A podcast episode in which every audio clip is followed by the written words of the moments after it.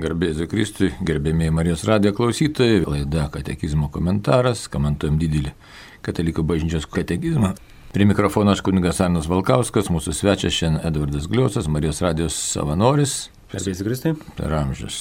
Prie pultų talkina Andris Sakalauskas, na ir kalbėsim toliau apie maldą, bet pirmiausia paprašykim, kad šventoji dvasia būtų visame kame ir kalbėtų ir vestų ir melstųsi mumyse. Vardant Dievo Tėvų ir Sūnaus ir Šventosios Dvasios Amen. Vienas trybė Dieve, tu nuo amžių mūsų sukūrei, sukūrei savo garbę ir šloviai, tačiau davai laisvą valią, davai protą, pažinimą. Taigi duok, tik labai prašom iš tikrųjų reikalingų malonių, vis labiau ir labiau tave pažinti, pamilti, atsigręžti, tave atrasti tavo gerumą, tavo grožį ir savo gyvenimo iš tikrųjų grožį, prasme tikrai tikras santykis su tavimi, gydyk mūsų sužeistas širdis ir bažnyčios mokymas te pasitarnauja mūsų dvasiniam augimui, brandimui ir kelioniai pas tave. Tu gyveni vienas trybė Dieve ir viešpatauji per amžius. Amen.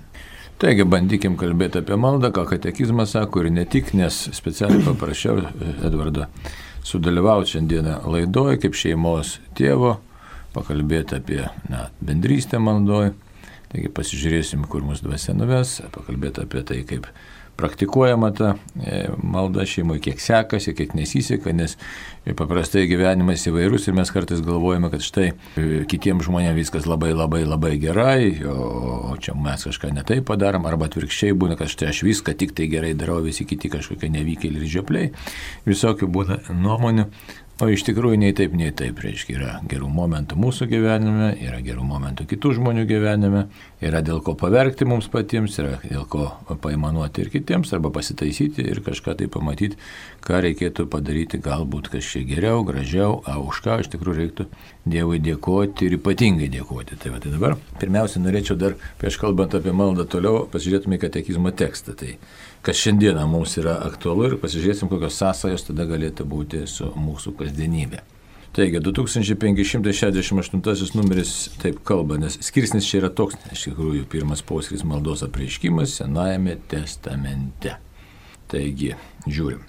Senajame testamente malda apreiškiama tarp žmogaus nuopolio ir jo pakilimo, tarp skausmingo Dievo klausimo, kur tu esi, Kodėl tai padarei? Pradžios knyga 3 skyrius 9 ir 13 eilutės.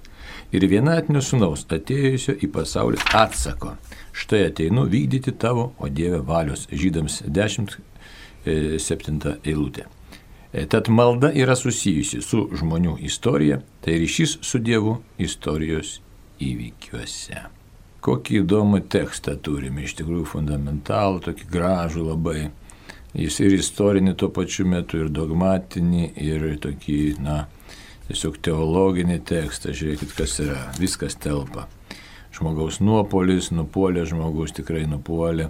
Ir įvairių interpretacijų, kalbant apie nuopolį, jeigu mes žiūrėtume ar šventą Jeronimą, ar žiūrėtume dykumų tėvus, ar kitus įvairiausių, Ryginą. Įvairiausių interpretacijų yra, reiškia. Tai turėjo ar neturėjo tas žmogus nupulti žinojo Dievas ar nežinojo, aš čia per daug dabar nesigilinsiu, bet iš tikrųjų ir nerasim tokio vienareikšmio, vienalyčio atsakymo, tai turėjo ar galėjo, ar žinojo, juk Dievas yra visažinis, iš tikrųjų visažinis, visagalis, jokio kitėjimo Dievoje nėra. Ir kai mes kartais įsivaizduojam, kad štai Dievas yra tas, kuris supyksta, nors aišku, mes randam šventame rašte atsėti Dievas pyksta, bet iš tikrųjų tai čia yra tik tai daugiau toks antropomorfizmas, pridėjimas Dievui žmogiškų savybių, nes Dievas tikrai, jis kaip, kaip nu, tokiu supratimu kaip mes nepyksta, bet, bet kitaip yra Dievas, ne pats gėris, absoliutus gėris ir mes kartais jam suteikiam tokių savybių patys, to nesuprasdami tokių ir nereikalingų savybių.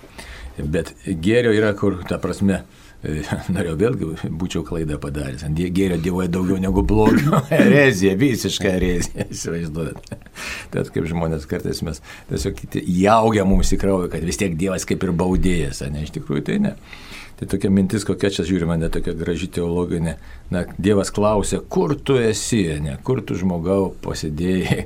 Pasižiūrėt pagal tą mūsų etimologiją žodžio, nusidėjėlis, tai ką tas, kas, kuris kažkur nusidėjo, ne, iš šoną nuvažiavo, visiškai iš šoną nuvažiavo. Tai kodėl tai padarėjai? Dievas, aišku, visažinis ir visagalis galim galvoti, kad žinojo, galbūt čia interpretacija. Aišku, žinojo, kad žinojo, bet kiek ten, kaip čia šitoje vietoje geriau nesigilinti, nes mums protas neatsakys, kiek Dievas žino, mes susidurėm su absoliutu.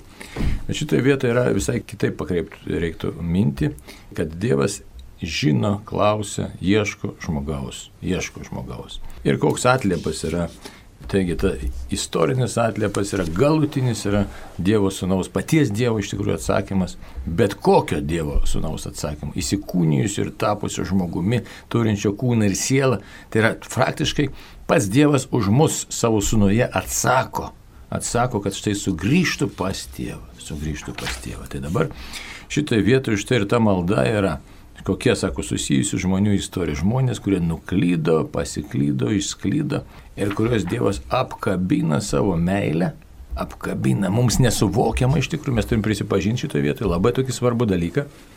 Ar galime suvokti nors kiek Dievo meilė? Aišku, mes gražių daug žodžių pasakom, labai daug gražių Dievas mus myli, ten kalbam Jėzaus širdies litanė, Marijos litanė, ypač nu kraujo litanė ir labai teisingai darom, tačiau kalbėdami vis laik turėtum prisipažinti paprastai savo labai.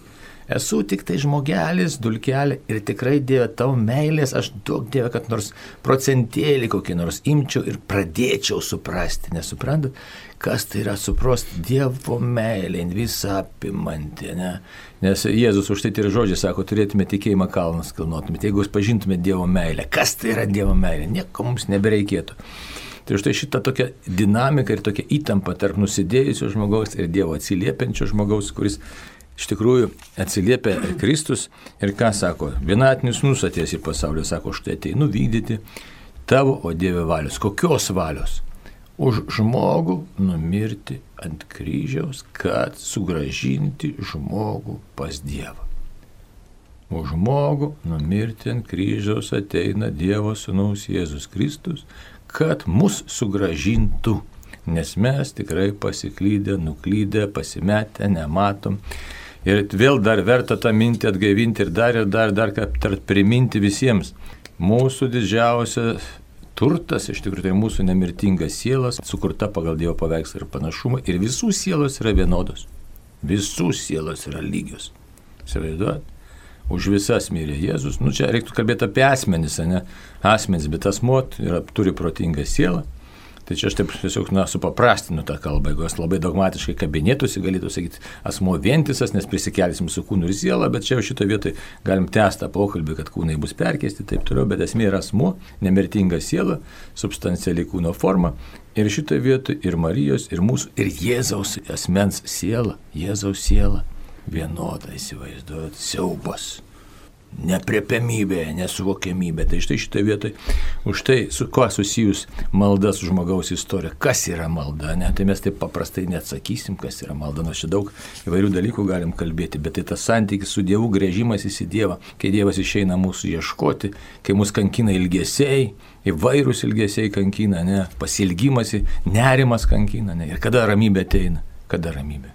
Augustino žodžius ir dar ir dar tūkstančius kartų galim prisiminti kol neatsilsės Dievoje širdis, kol neatsilsės ramybės nėra. Tai todėl dabar šitoje vietoje norisi pakreipti mūsų kalbelio tokį konkretesnį dalyką, bet, bet pasakyti, kad žmogus savotiškai Dievo akivaizdoje yra visą laiką vaikas.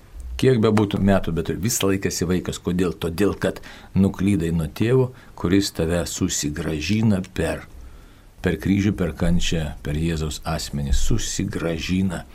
Ne tik suteikia galimybę grįžti. Bet viskas čia mylintis tėvas telpa, kuris atleidžia, kuris dovanoja, kuris kreipia pas save, kuris kviečia pas save, kuris išeina pasitikti. Čia šitoje vietoje labai tinka ten to paklydusio sunaus tėvo įvaizdis, kuris laukia, visą laiką laukia, visą laiką yra pasiruošęs priimti ir, ir vėl sutikti. Tai dabar šitoje vietoje už tai norėtųsi paklausti, Edvardai, toks konkretus dalykas. Aiškiai, meldies ar ne?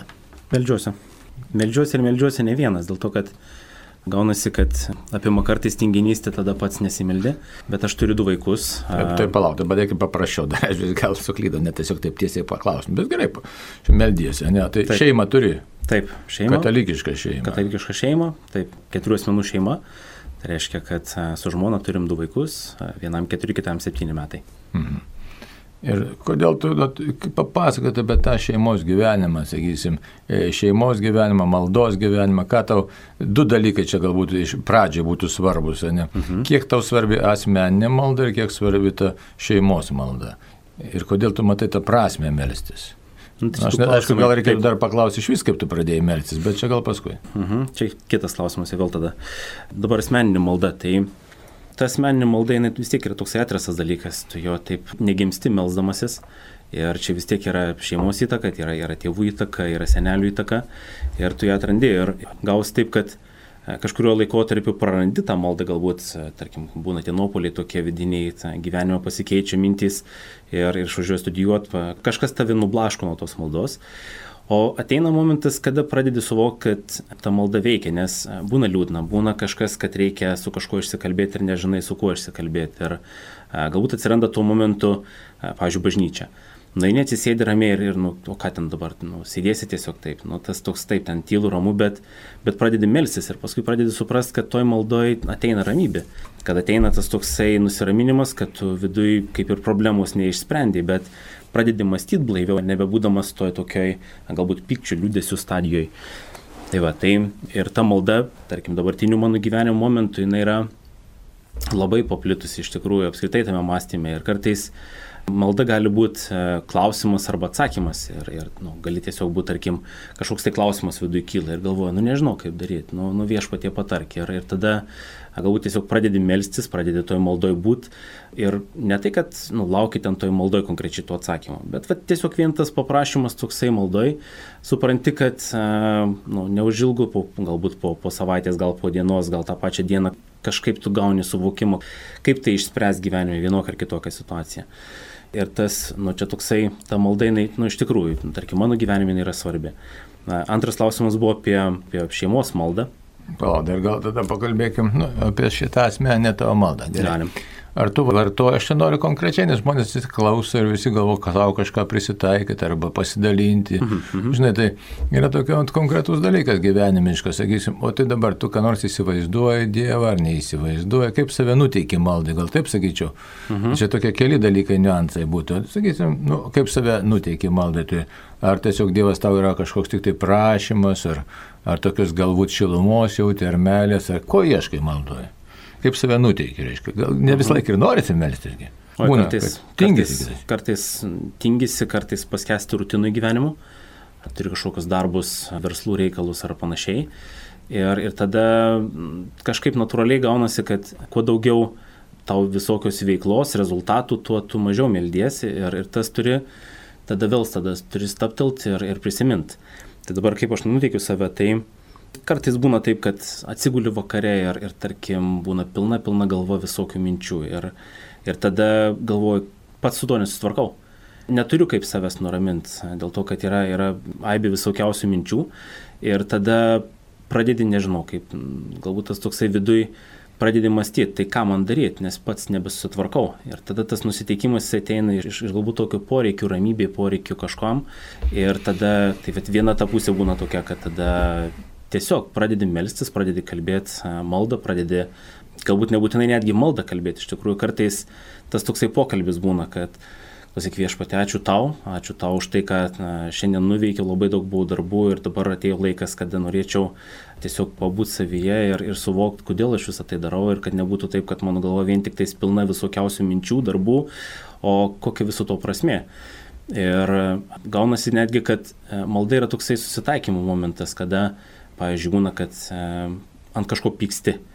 Ir va tas toks viduje pradedi galvoti, okei, okay, reikia kažką kitaip daryti. Ir va taip nu, nuteiki save, kad okei, okay, ta, tada savo tą emociją tokią reikia ją kažkur kitur nukreipti. Ir tada galbūt tiesiog į maldą. Tai va, tai kartais tiesiog va, atsikeli ryte ir galvoju, gerai, būtų visai faina tiesiog pradėti uh, maldą ir, ir, žodžiu, nėra tokio vieno atsakymo, kuris būtų bendras visom situacijom, kaip aš čia save nuteikiu. To nebūna taip, kad, sakysim, nu, tiesiog suvoki, kad Dievo akivaizdoje stovi, kad Dievas nori su tam pašnekėti. Būna, bet tai nebūna tokios dažnos situacijos, dėl to, kad kartais būna, kad netgi būna tokių situacijų, kada sėdi ramiai, klausai kažkokios muzikos ir pradedi jaus, kaip apima toks kaip jautrumas, kaip nežinau, sakyčiau, netgi jauti, kad, nu, jeigu dar truputėlis galbūt pradėsi verkti. Ir, ir va tas, arba suvoki, kad uh, aplink tavį yra kažkas gražaus, kažkas yra smagaus. Ir tai tokį suvokimą jie labai sunku žodžiais perteikti, dėl to, kad uh, Tai nėra toksai paprastas dalykas apie apskritai apie jausmus kalbėti. Jo, bet būna, kad skuba žmogus, pavyzdžiui, aišku, nuo charakterio priklauso, ypač mūsų tempas, labai daug mūsų skubančių, ne, skuba, Taip. skuba. Ir, pavyzdžiui, žmogus tikrai nuoširdžiai nori pasimelsti, ir pat ir kiti, žinai, pasišnekam. Ir, sakysim, labai sunku būna save nuraminti, tiesiog pristabdyti, kad štai dabar aš pasimelsiu, ne, tiesiog samoningai. Ką, ar, ar būna to tokie momentai? Tai būna netgi tokie momentai, kad a, samoningai pradedi kalbėti maldą ir, ir vidury maldos supranti, kad į tavo galvą pradėjo eiti visai kitos mintys. Ir vis tiek viskas verda viduje. Ne? Ir viskas verda. Ir, ir, tada, ir tada dar kartą tikrai yra buvę tokių momentų, kada pradedi melstis kalbi maldą, pavyzdžiui, rožančių. Ir supranti, kad netgi rožančiaus medu tavo mintys pradeda kažkur visai plajoti. Jos lyg, nu, tiesiog pradeda kimštis įvairiausi dalykai. Ir tada save turi nuraminti, tada vėl turi kažkaip permastyti ir vėl iš naujo kalbėti. Ir, Yra buvo netgi tokių situacijų, kada pradedi kalbėti maldą ir jos neužbaigi. Arba pradedi kalbėti maldą ir, ir viduryje atrodo, kad kažkas tave pertraukė mintys, prikrito ir galvoju, kur aš pabaigiau, kai a, iš naujo reikia vėl pradėti. Tai tikrai, tikrai gyvenime tai nėra taip, kad ta malda yra tokia sklandi, paprasta, lengva ir kiekvieną dieną jinai savaime. Kad... Aišku, čia mes Marijos radiją dažnai propaguojam ir, nu, ne tik Marijos radiją, bet ir, ir, nu, dabar labai tikrai, kad, sakysim, tos trėlinės maldos ar dienos bėgėje, kokias nors maldas surast laiko bent kelias minutės, ar tau pavyksta tą padaryti? Nu, čia kaip kada, tokia turbūt tas trenerių malda, tai aš nežinau, kaip konkrečiai čia pasakyti, bet tarkim būna toksai, kad uh, važiuoja ir va, tas natūraliai, nežinau, iš vidaus gaunasi, kad nu, ateik šventojo dvasia ateik. Ir tiesiog va, tas toksai trumpas, mažas dalykas kažkoks, kad tu pasiprašai, kad jinai tuo momentu būtų su tavim, kad, kad tave palaikytų, padėtų ir, žodžiu, kad priimtum teisingus sprendimus ar panašiai. Tai tokie, nu, maži dalykai. Taip, būna kartais. Mhm. Pasakysim, gerai. O šventą raštą ar pavyksta panaudoti maldai, kad, na, sakysim, kažkokią sistemą dar turi ir net, neturi susikūręs kažkokią. Neturiu, neturiu sistemų susikūręs. Pirmiausia, aš pradėjau skaityti nuo, nuo Senojo testamento, paskui turėjau pokalbį su kunigu, kad e, reikėtų pamastyti, ar, ar pradėti visgi nuo Senojo testamento, ar geriau nuo naujo pradėti testamentų skaityti, kad naujo pastoviai skaityti. Ir, ir, ir tam dalykui, kad e, truputėlį daugiau suprasčiau, kas yra tas senasis testamentas, kaip yra visa ta istorija tenais, e, žodžiu, likiminė, kaip, kaip viskas ten tas išganimas vyksta, kaip viskas, kad paskaityti knygų truputėlį, kad e, giliau suprast, kas ten vyksta prieš taip tiesiogiai įmant ir skaitant. Tai va, tai, tai Naują testamentą aš turbūt esu tas naujos kartos žmogus, kur mėgsta klausyti knygas, ne tai, kad jau skaityti, bet klausyti. Ir elementariai, tarkim, kad ir per, Marijos radiją galim paklausyti mes naujojo testamentų, tai yra audio tam knygos ir, ir tikrai galima rasti, labai lengvai galima rasti laiko tada, kada paklausyti dėl to, kad galbūt važiuoja mašinoje, galbūt tiesiog sėdi autobuse, galbūt bėgioji, galbūt kažką darai ir galbūt nėra, žinot, ne kiekvienas būdas yra teisingas melstis, bet iš kitos pusės geriau tada melstis negu nesimelsti. Tai žinoma, tada prašyti prašyt to, kad atneštų į mūsų gyvenimą tą įprotį teisingai melstis, bet jeigu nuo kažko pradėti, tai tikrai galima pradėti nuo audio klausimo. Taip, tai dabar, nu, žiūriu, uždavėme tą klausimą apie šeimos maldą, bet ar pakalbėsim, bet Andrius rodo, kad žinutės sulaukiam, pažiūrėsim, kas ten įdomaus ar kas yra. Klausytojas teiraujasi, kaip elgtis, jeigu kolegos darbo vietoje pradeda juokauti tikėjimo tema. Kalbėjo apie man brangius dalykus ir juokėsi, o aš tylėjau ir nesijokiau, bet nieko ir nepasakiau, nesudraudžiau jų. Kaip elgtis tokioje situacijoje? O kaip reikėtų elgtis, ne, galim visi viešai dabar pagalvoti ir panterpretuoti iš tikrųjų, nes, na kaip Edvardai reiktų elgtis, jeigu šiaip mes visi katalikai ir mums yra brangus dalykai. Mhm. Mhm. Dabar drovumas tai yra šitoje vietoje, tai yra tokia baimė, kad iš manęs pasišaipys iš tikrųjų. Tai yra tokia slapta egoizmo forma. Tai čia mes nieko neturim teisti, bet čia savo visiems turim pasakyti labai tokį konkretų dalyką, ne? Nu į kokį, kaip sakytum? Nežinau, iš tikrųjų čia tokia situacija, kurią iš, iš daug pusių galbūt galima vertinti. Nu, pažiūrim. Bet aš iš savo pusės galvoju, kaip koks tas kiekvienas mūsų charakteris yra skirtingas, bet turbūt pats svarbiausias dalykas tai, kad aš žinau, kad aš tikiu, Ir tas, nu, jeigu kažkam norisi juoktis, tegul juokiasi, svarbu, kad žmogus žinotų, kad ir kiek jisai juokiasi, kad tu nenustosi tikėti dėl to. Ir, ir, ir tą savo tokį tikėjimo poziciją išlaikyti savyje kad vat, aš tikiu, aš to džiaugiuosi, aš to didžiuojuosi ir, ir jeigu kažkas nesupranta, kad malda ar kažkas yra gerai, nu, tai vis tiek tai yra jų problema. Aš nemanau, kad mes kažkokį tai sakinį turėtume stebuklingą, kuris pakeistų tuos žmonės. Ja, bet aš tai galvoju kitaip, tiesiog konkrečiau, reiškia, iš tikrųjų vis dėlto reiktų pasakyti, kad jūs ten surast formą, aišku, priklauso nuo amžiaus ir nuo žmogaus ir kas ten tokie, bet Mūsų ta pozicija, tai išreikšta, jinai iš tikrųjų duoda labai didelių vaisių rezultatų. Šitą reikia žinoti. Ir tikrai man tai čia nuo vaikystės, aišku, visko teko patirti ir visokių momentų, nes dar tarybiniai laikai buvo ir tikrai nelengva būdavo pasakyti kartais. Tačiau, tačiau žinot, keliariopas yra dalykas, kaip dabar žmogus klausia. Iš tikrųjų, lieka širdį, jeigu tu nepasakai, kad štai aš kažko nepadariau. Nes ir šito klausimo nebūtų, jeigu tas žmogus būtų, nes, suprantat, padarius, pasakius, galbūt tu liksi tuo metu kvailio vietoje, lygtai atrodytų taip. Tačiau žinau, kad aš iš tai iš savo gyvenimo galiu pasakyti, kad atliepas ateina labai keistas.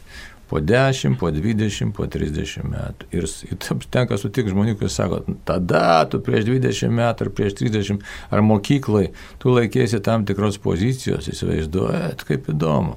Tad šitoje vietoje, jeigu mes praleidžiam progą parodyti savo tikėjimą, ramiai, be nervų, galima, nu, sakyti, labai paprastai. Žinot, kad jūs čia paliečiat, nejaukauksia šitais dalykais, Dievas yra. Užtektų tokių frazių, aš tikiu, pažiūrėjau, aš tikiu, Dievas yra, jums kaip, kaip norit. Bet pasakytas pasakymas, nes iš tikrųjų, matot, mes pamirštam vieną momentą labai svarbu, kalbam apie maldą, mes dabar gana būtiškai, ne? Bet jeigu kalbėt praktiškai ir giliau teologiškai, ne teoraktiškai, bet nu ir praktiškai teologiškai, Šventoji dvasia veikia kiekviename pakrikštytajame ir jinai nori paskelbti išganimo naujieną absoliučiai visiems. Įsivaizduoju, absoliučiai visiems. Ir tuo momentu mes tampame įrankiais. Ir jeigu dar giliau pasižiūrės, už tai labai įdomus tas dalykas, ne? Jeigu prisimenu, aš jau kažkada sakiau, dar paminėsiu, toks kažkoks filmelis buvo, nu filmelis ar filmas rimtas, nežinau, nu netokio galbūt labai super lygio, apie Jėzų ten, ne, taip kaip Gibsono ten, bet, bet toks, nu, bet ten ekranizacija gal tokia. Bet e, ten labai graži frazė buvo įdėta. Kristų plako, jis visiems sako gerasis žmogau, ne? Dabar kur esmė tokia? Iš tikrųjų, kiekviename mumise yra ta Dievo sukurta siela ir mes patys nežinom, kur Dievas, ką nori pasakyti, kur nori nuvesti. Ir ta malda mumise irgi gimdo pranašą, paštalą ir misionierių. Tai mūsų pašaukimas ne tik savo laimėti, bet čia, įsivaizduot, čia toks labai svarbus dalykas. Mums Dievas davė malonę, tačiau kuri peržengia mūsų žmogiškas jėgas ir ribas. Ir todėl šitoje vietoje atpažinti save kaip Dievo pasiustą įrankį, kuriame veikia šventoji dvasia. Tai už tai mums kaip žmonėms gali būti nedrasu ir baisu, Bet padarius tą mažutį, mažutį žingsnelį, Dievo malonė išsilieja kur kas gausiau. Tai šitoje vietoje turėtume už tai ir čia mūsų bažnyčios jėga ir stiprybė, kol mes to net pažinom, už tai kartais laksto ten, ai, charizminė malda, vis prisikūrė visokių grupių, čia žinai vadinasi, pasivadina, paskui puikybė užpuola. Iš tikrųjų tai ne taip yra, visi mes esam charizmatikai, absoliučiai visi. Ir ten kurti kažkokios tai judėjimus, tai čia Na, tegu kūrė, bet iš esmės tai pagal pačią bažnyčios esmę, tai mes įsivaizduot, kas mes esame. Tai va tik tai šitoje vietoje mes kol kas esame net pažinę savo tapatumą. Tai va, tai. Ar Andriu dar yra kas? Nu, gerai, žiūrėkime. Esu katalikas vyras ir kaip vyrui man dažnai norisi įrodyti kitiems, kad esu reikšmingas ar kažkuo išsiskiriantis. Noriu gerai atlikti savo darbą, tai reiškia, kad daug savo laiko turiu skirti savo specialybės mokymuisi, padėti kitiems Tuo pačiu noriu būti išskirtiniu, būti pavyzdžių kitiems, ar tai dera su katalikišku gyvenimu. Matot, čia tokios pretenzijos savotiškos labai. Ką reiškia noriu būti išskirtiniu? Suprantat, čia aišku, gal, gal tas žmogus parašė žinutę, bet galėtume padiskutuoti garsiai. Nu, Edvardai, tu dabar sėdė, nori būti išskirtinis vyras. Tai noras yra, bet A. turbūt reikėtų pačiu tai vietoje ieškoti problemos, dėl to, kad norisi būti išskirtiniu, tai norisi būti geru, norisi būti kažkokiu tai, bet turbūt reikėtų pažiūrėti plačiau į tą situaciją, kad būsi išskirtinis, jeigu darysi viską labai gerai, viską teisingai. Tu nereikia galbūt ieškoti to tokio pripažinimo, tuščių pripažinimų, kad vat, noriu būti išskirtinis. Galbūt galima paieškoti tame, kad jeigu darysiu viską labai teisingai, tai ar taip ar taip bus išskirtinis. Nu, va, čia galbūt tuo kampu norėčiau pažiūrėti tą situaciją. Ja, kad... bet čia šiaip tas noras būti išskirtiniu, tai jis nieko gero iš tikrųjų nesako. Visais atžvilgiais, ne? nes Dievas, jeigu taip giliau pasižiūrės, aš irgi norėjau būti išskirtinis, ir tos puikybė, čiagi puikybė išdidumas, taip. ir tuščia garbiškumas yra puikybė. Dabar aš būsiu labai geras, super, super, super. Nu ir kas iš to? Čia matot kiti dalykai. Būti gerų specialistų ir padaryti daug gerą, tai nereiškia būti išskirtiniu. Tiesiog reiškia tiesiog būti. Tiesiog būti buvimu, kuris teikia džiaugsmą, laimę man ir šalia esantiems. Tiesiog būti, padaryti, ką privalau padaryti. O jau pats noras būti išskirtiniu čia ne vyriškas, čia ne ir moteris nori būti šitoks, čia yra tuščia garbiškumas ir puikybė ir su tuo iš esmės reiktų kovoti, bet tai visiškai nereiškia, čia yra labai daug sumaišyta savoko, tai nereiškia, aš turbūt niekinis, tenai nevykėlis ir panašiai. Ne. Visiškai čia kitaip, čia tas introspekcija, tokia žvilgsnis į save, visiškai netikė šitoj vietoj.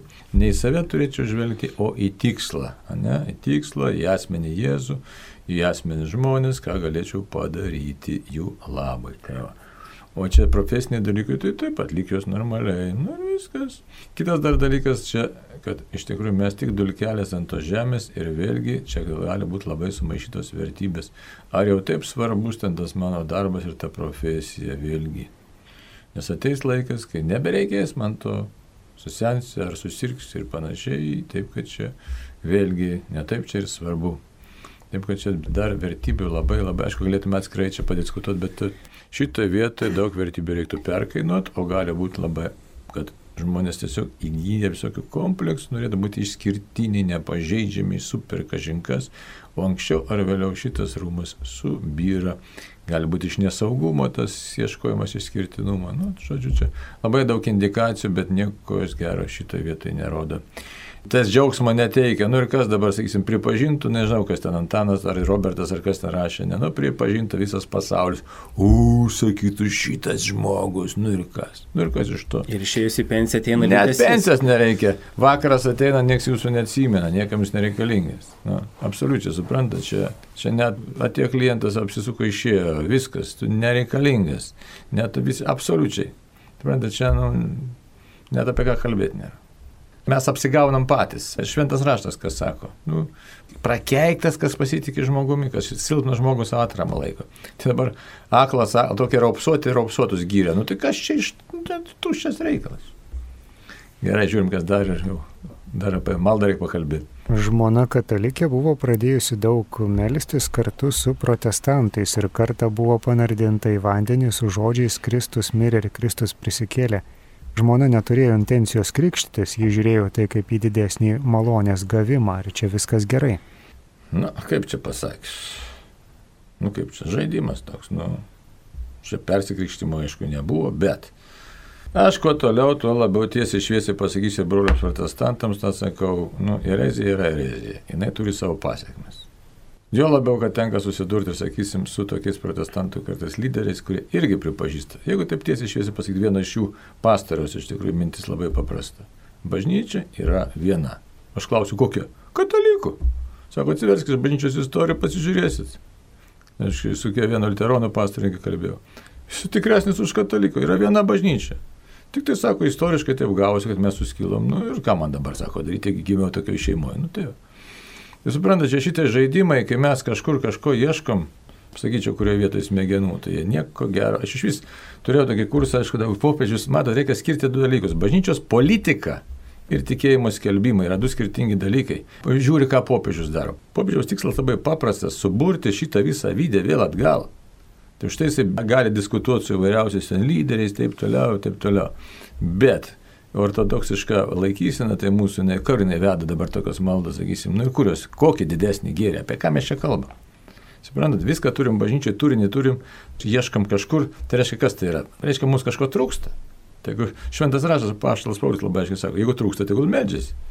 Aš pats dariau tas klaidas, ten veiklių vyrų bendrė dar, iš per Marijos radę. Gerai, užkabinimas geras, turinys koks toliau. Paklauskim, koks toliau turinys. Gyvenimo ir tikėjimo turinys koks. Viskas. Įsivaizduot, labai paprastą klausimą. Koks gyvenimo ir tikėjimo turinys? A kad kažkur nuvažiuoti gamtą, lysti vandenį, nu kas čia, biliber dažnai. Nu. Kitaip nepavadinsi, kokia prasmė, kas iš to, ko ieškai. Tai ko ieškai? Tarnystės, meilės dovanos? Nu tai ir tarnau žmonėm, jeigu meilės dovanos. Aš kaip sakiau, daug kartų sakiau, tai noriu tą meilę parodyti, prisipirgėlių, naik onkologinį nelaikomus ligonius, jau kai kurie patą padarė. Ir aplankysim, padarysim meilės darbą. Tai šitoje vietoje, aišku, ten, kadangi jinai nepersikrikštėjo, tai ten sutaikymo su katalikų bažnyčia nereikia, bet be tokios praktikos, ties, aš tai nežinau, visiškai, sakau, nes patirtis tą rodo, kad tai niekur neveda. Tai va. patiks, gal nepatiks kitiems, ten žinai, bet mano tokia nuomonė. Kaip suprasti, kada yra sektos? Televizijoje liudijo apie labai blogą Jehovos liudytojų pavyzdį, mm. po kurio žmogus nebekenčia jokios religijos, nors jehovistai naudojasi Bibliją Dievo žodžiu, klausė Vladas. Taip, bet šiaip tai yra antikristinė totalitarinė sekta, pažiūrėkite, jeigu dėžysit, reiškia, savadą, reiškia, yra ta, ne, net to ruso, kaip sakyti, nu, kaip jau pavardė plauk, lietuviškai išverta knyga yra apie religijotyrą. Tai Net ir ten, aišku, tai yra totalitarinė sekta, kurios, aišku, tikslas pajungti e, asmenys, aišku, visiškai kontrolė. Tai, va, tai čia jehovistai, paskui scientologijos, ten vadinama bažnyčia, panašus dalykai, iš kurios labai sunku ištrūkti, praktiškai neįmanoma. Tai, va. Sektos požymiai yra kokie? Narių kontrolė, visiškas pajungimas savo, jų asmenų, valios, pinigų, aišku, ir neleidimas jiems išeiti. Tai, va, taip, kad čia Tokie yra požymiai. Gerai, grįžtam dar prie maldos, tai dabar šiek tiek apie šeimos maldą dar, Edvard, nes jau laikas labai greit tirpsta. Nu tai šeimos malda atsirado tada, kada paaugo vaikai, iš tikrųjų jau buvo būdu. Ir, ir, ir gavus taip, kad mes tiesiog karts nuo karto sukaldėdavom maldą, kartu nuvažiuodavom į bažnyčią, pabendraudavom ir, ir malda atsirado kaip forma ir susitaikyt, ir, ir, ir kažkokius tai auklėjimų dalis e, pasidarė. Dabartinė situacija kokia yra, tai kad mes kiekvieną vakarą privalomai melžiamės. Nu, tai reiškia, kad privalomai, tai čia taip skambėtų, kad nu, tėvai verčia, tėvai liepia, čia tikriausiai vaikai vargšai turi kiekvieną vakarą suklaupti ir dabar laukti, kada čia tiesti tėvai ir bausmus malda, bet ne, iš tikrųjų tai gaunasi priešingai, kad vaikai kiekvieną vakarą nesvarbu, ką mes bedarytume, jie atbėga, pertraukia mūsų visas veiklas, viską ir, ir yra kvietimas eiti kartu į maldą. Ir, ir tai iš tikrųjų išsprendžia netgi tą asmeninės maldos problemą, dėl to, kad tada ateini su vaikais, jeigu jau pats pamiršai per dieną maldą, tai vadinasi, vaikai tau tikrai primins. Ir malda labai gerai veikia, iš tikrųjų, nes, tarkim, čia toksai tikra situacija, kada vyresnis sūnus, jam dabar septyni metai, kiekvieną vakarą tikrai ten sukalbam po tas kelias maldeles arba tiesiog šiaip pakalbam su viešpačiu. Ir e, jis pastebėjo tokį dalyką, kad kaip tik tais, jeigu jisai vakarė nesukalba maldos, jeigu kažkur tais manęs nėra arba kažkokia situacija, kad nesukalbėjo, taip jam košmarai sapnuojasi. Dėl to jisai keletą kartų, kada pastebėjau, pradėjau iš karto pats ateiti prašyti, sako, tėvelį, žinai, tokia situacija, aš nenoriu sapnuoti jokių košmarų ir, ir tas labai labai gražiai veikia. Kitas dalykas yra tai, kad nu, visi esam žmonės, būna tai, kad susipykstam, būna kažkokiu tai e, nesusipratimų, kažkas neklauso e, kažko, kažkas kažkam kažką pasakė, tiesiog visokios situacijos. Ir gaunasi, kad vakare, kad naitum ramus miegot, kad būtų tas susitaikymas pilnas, užtenka maldos. Ir tada kaip ir paprašai viešpaties, kad jisai atleistų mums už mūsų pasakytų žodžius, už kažkokį išskaudinimą, už sulaužytą daiktą ar, ar tiesiog, nu, žodžiu, visokias įvairiausias situacijas. Ir, ir tai labai maloniai, lab, žinokit, tikrai labai maloniai. Rekomenduoju visiems šimtų procentų, kas turit mažų vaikų, kalbėti apie tai, kad, vat, pavyzdžiui, buvo tas, kad nusidėlis. Tai mažajam labiausiai užkliuvo tas žodis, kas yra nusidėlis, kodėl nusidėlis, kaip kas. Kad tas žmogus, kuris padarė klaidą, kad tas žmogus, kuris galbūt negeras, kad tas žmogus, kuris kaip kas. Ir iš pradžių tas buvo jo toksai klausimas, kas yra tai, o paskui jisai pradėjo analizuoti, kuris veiksmas mano yra geras, kuris yra blogas, kas yra priskiriama prie nusidėjimų, kas yra priskiriama prie gerų dalykų. Tokiu atveju viešpats jisai prisideda prie šeimos auklėjimo jisai auklėja vaikus, jisai gaunasi, kad va tuo Kristaus pavyzdžiu, tarkim, kada jisai buvo nukryžiuotas, kad jisai, nu, mūsų labui, žodžiu, jisai numirė ant kryžiaus.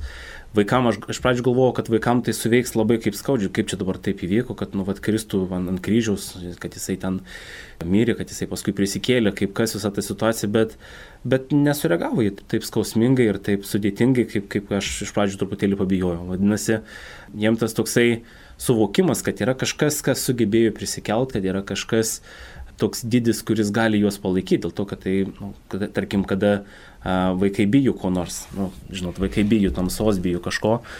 Tai va, tai būna tai, kad jie tiesiog sako, tėveliai, ėjau, ėjau, buvau tamsu, bijojau lipti laiptais, bet, va, žinai, pasakiau viešpačiui, kad e, Dieve, tu su manim aš lipsiu ir, ir užlipau ir viskas. Tai tas labai gerai veikia. Tai šitą vietą apibendrinami galėtume padaryti tokią na, išvadą visi kartu. Matot, čia nukeliariopą tokią. Pirmas dalykas, kad asmeninės maldos tas praktikavimas tikrai mus visus veda į gilesnį asmeninį santykį su Dievu.